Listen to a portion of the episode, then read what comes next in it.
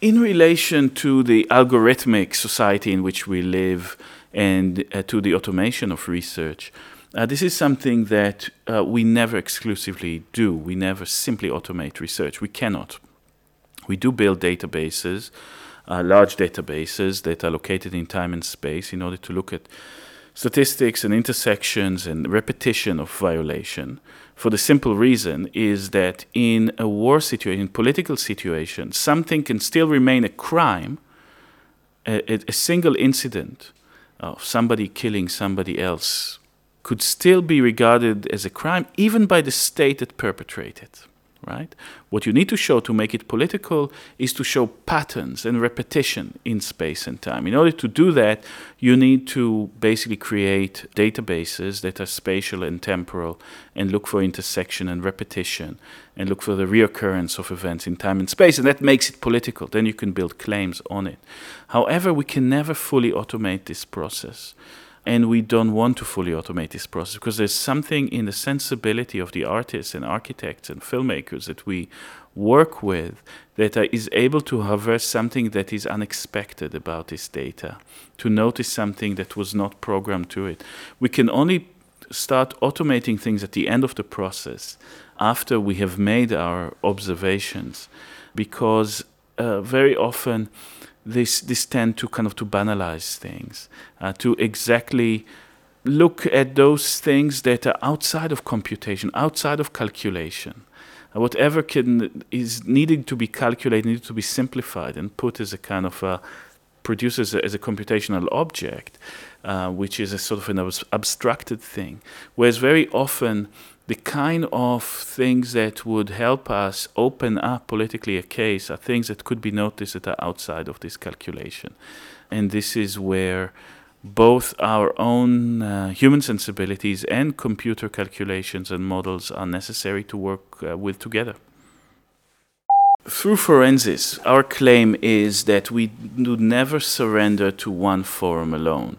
I will never produce work that can only be presented in court the same work will be presented later in political forum and sometimes in cultural forums or in artistic galleries, etc.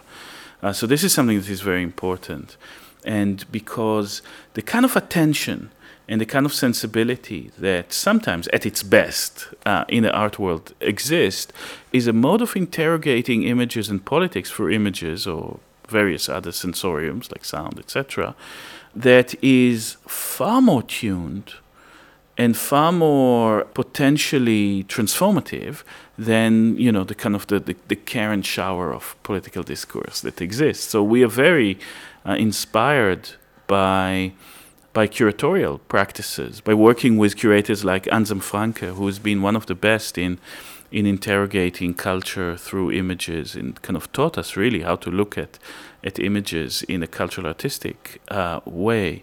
So we're not cynical about it at all. On the contrary, we want to embrace these possibilities of what exists at, at the best of the art world sensibility uh, in order to further our quest. I mean, as I told you already, a lot of the, the kind of the, the sensibilities that we have in looking at things are derived by from attention to work of artists like Harun or Hito or Rabih Mroué, etc., other people that have interrogated images and violence, and we are we, we we're looking at this work. We find it inspiring. We are. Um, and and we're using whatever we whatever exists in a in a art, art sphere discourse in order to further our investigations. The most interesting testimonies that we have and the most valuable politically and ethically are the kind of testimonies that require guts, that require a desire and ability to speak the truth while risking your life. And to speak it now could be like to, to hold a mobile phone with a camera function onto an event and get shot at while you do it as we have learned from the work of uh, Rabih Mroué, for example. And it is a way of, of speaking a dangerous and complicated truth in, in political situation and regimes that would not tolerate it. And these are precious evidence, and our way of treating them as precious is to to listen to them hundreds of times to look at them if they're filmed and to unpack from them anything that is coded in them.